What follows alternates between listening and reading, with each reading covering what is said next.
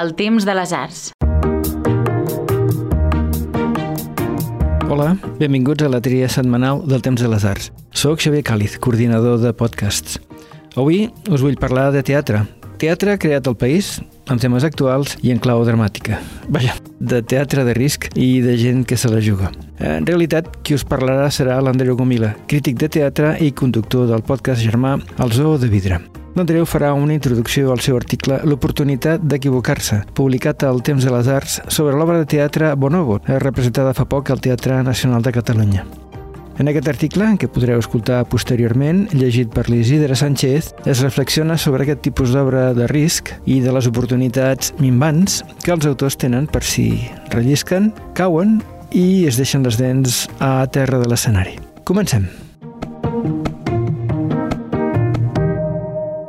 És possible la producció independent de teatre en aquest país? És possible poder crear sense haver de passar per l'adreçador o, dit d'una altra manera, sense tenir necessàriament el suport d'una gran institució pública o privada.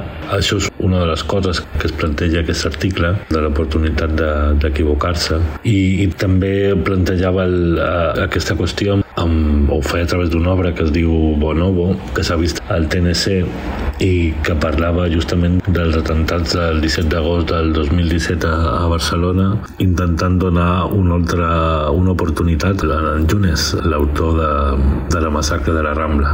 I tot això a banda té veure perquè aquesta obra Bonobo va guanyar el Premi Quim Masó, que és un premi que fa ja més d'una dècada que donen a, a Girona i és un premi a la producció, que és dels postpremis que hi ha, que fins ara eren 50.000 euros, que hi havia hagut el Festival Grec i ara hi havia el TNC associat a, a la temporada alta i són 50.000 euros que encara que semblen molts diners es serveixen per fer una obra de petit format com Bonobo i que permet que, que s'estrenin obres que, que són bones, no? ambicioses, contemporànies, que parlen de l'ara des d'un punt de vista no sempre des de la comèdia, des d'un punt de vista simpàtic que fa que el públic públic hi, hi vagi, no? A Bonobo és una obra dura, com també ho era el, el nedador del mar secret, per exemple, una obra dura i, i molt bona.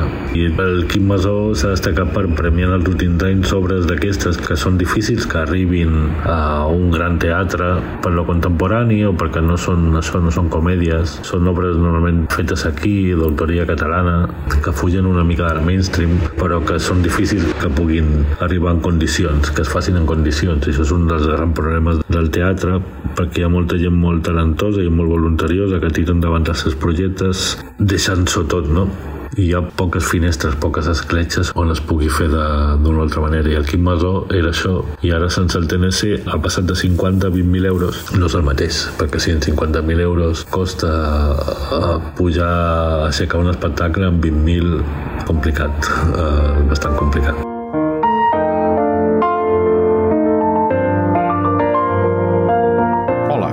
Soc Damià Morós. Potser m'hauran sentit a La Reserva, el podcast de patrimoni del temps de les arts.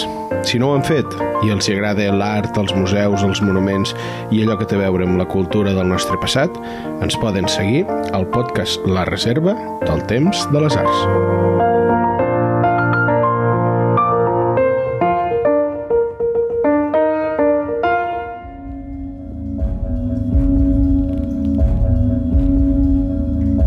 L'oportunitat d'equivocar-se. Alguna cosa m'estava passant. Per dintre. Te n'adones que alguna cosa rara s'havia trencat? Però jo lo meu. Carretera jo, saps? Carretera i manta. Penso en París. Penso fort. I no només en París. Què volia de mi aquella noia? El Bonobo, que Moja Amasian i Neus Vallvé han fet al TNC, és una obra punyent que ens permet preguntar-nos dues coses molt diferents, però igual d'importants. Podem fabular sobre un succés tràgic produït a casa nostra? I és viable la producció independent? El 2013, David Craig va estrenar a Edimburg i al Young Vic de Londres The Evans, una obra extraordinària amb només dos actors i un cor que canviava a cada funció, inspirada en el terrible tiroteig d'Utoyà, Noruega, en què Anders Breivik va matar prop de 70 persones. L'autor escocès situava la massacre en un cor i posava davant per davant una rectora liberal supervivent i l'assassí. La peça va despertar molta controvèrsia. Fins i tot alguns la van titllar d'oportunista, però la realitat va ser que va guanyar un grapat de premis de la crítica britànica i es va veure a mitja Europa. La Claire, la rectora, al final, tenia una crisi de fe profunda en preguntar-se què és el mal, què és la bogeria i si hi havia alguna diferència entre tots dos conceptes. Abans s'havia enfrontat amb el criminal, li havia fet les preguntes pertinents i havia deixat que parlés, que oferís la seva visió dels fets. Amb el cor allà al mig, cantant himnes, cançons tradicionals noruegues, Amazing Grace i Bonkers, de Dizzy Rascal, entre d'altres. Una gran experiència teatral. A Bonobo, Josep Julien segueix un altre camí per explicar la massacre de la Rambla del 17 d'agost de 2017. Bé, no l'explica, sinó que decideix buscar-li un altre destí a en Jounes, el jove de Ripoll que conduïa la furgoneta. Fa començar l'acció un mes abans, amb ell, que anomena Fadi, parant a una benzinera camí de França, a la frontera, en un lloc inhòspit en el qual topa amb una cosa inversemblant, un simi tancat en una gàbia. El bonobo, la seva presència, modificarà el camí d'en Fadi i el farà capbussar-se en un viatge trepidant que, al cap i a la fi, el convertirà en una altra persona. I, el més important, li donarà una segona oportunitat, una possibilitat de no acabar els seus dies abatut enmig d'un camp al Penedès després d'haver acabat amb una vintena de vides. Al TNC, en Fadi ha estat en Moja Amazian, un actor usonenc que ja ens va sorprendre fent de Bassam a Carrer Robadors. Si en l'obra de Julio Manrique era un secundari de luxe, a la de Julien interpreta un quasi monòleg de 105 minuts, tot un repte, salvat amb solvència, per un intèrpret que està creixent. Neus Vallvé li fa preguntes i s'encarrega de l'espai sonor de la peça. Amasian sap omplir l'espai, mostrar-se, expressar-se i, per un moment, arribem a pensar que som a París o Londres, on els actors i les actrius racialitzats ocupen llocs estel·lars i no són una petitíssima minoria. L'obra de Julien no és rodona, ja que és una mica llarga i té un final massa dubitatiu, però és una gran notícia que hagi arribat al TNC, tant pel que explica com per qui ho fa. De l'atemptat del 17A, si no vaig errat, és la primera obra de teatre que ens en parla. S'han publicat novel·les, hi ha una escena del brillant Persecució de Toni Sala que té lloc aquella tarda d'agost i tenim l'imprescindible assaig periodístic d'Anna Teixidor, sense por de morir. El teatre l'havia deixat de banda. Els teatres tenen massa por a equivocar-se i exhibir muntatges problemàtics, és a dir, que aboquin una mirada sobre el nostre temps lluny de l'ortodòxia o del políticament correcte. Fora dels clàssics, a més, hi ha la tendència perillosa a adulcorar-ho tot, a fugir del drama, a plantejar debats.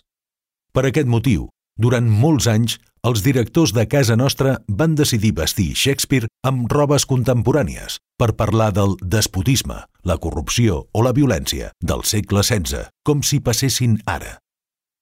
Basta veure com el teatre contemporani, aquesta temporada, és absent de les sales grans del lliure i del nacional.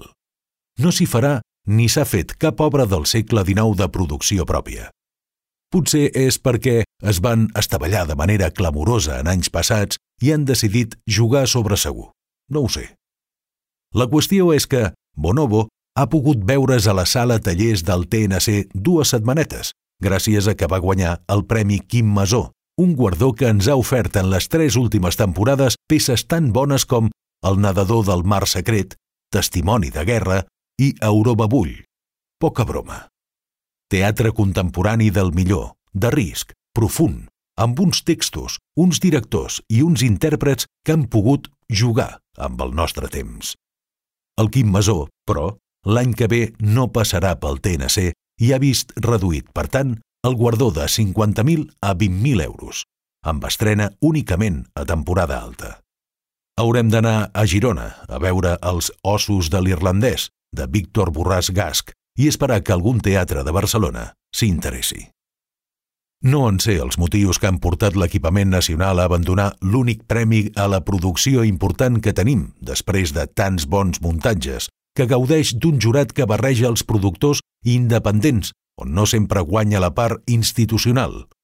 Sense el TNC o cap productor barceloní, abans del TNC i era el grec, serà difícil que es puguin aixecar espectacles com Bonobo o qualsevol dels últims premiats. Sense el suport dels productors públics, les companyies catalanes ho tenen molt difícil per sobreviure pel simple fet que no es poden equivocar. Mai. Arrossegar un o dos fracassos de taquilla, per molt bona que hagi estat l'obra, és sinònim de fallida. L'alternativa és que hagin de proposar espectacles de poc risc, petits i portàtils. La diversitat i el gruix és el que dona la mida d'una escena. Si només uns proposen i uns altres acaten, la mirada s'empobreix. No sé si és això el que volem. Al final, només hi ha tres o quatre portes on picar, on vendre un espectacle. I el Quim Masó és una via independent que no depèn de si caus bé o no, de si t'ha anat extraordinàriament bé abans i de qui t'acompanya. I fins aquí la tria setmanal del Temps de les Arts. D'aquí a set dies, si és que el món no s'acaba o passa alguna més greu, esperem tenir un altre episodi. Si us ha agradat, us preguem, com sempre, que ho compartiu amb els vostres amics, coneguts, familiars, taxistes de capçalera. Moltes gràcies per escoltar-nos.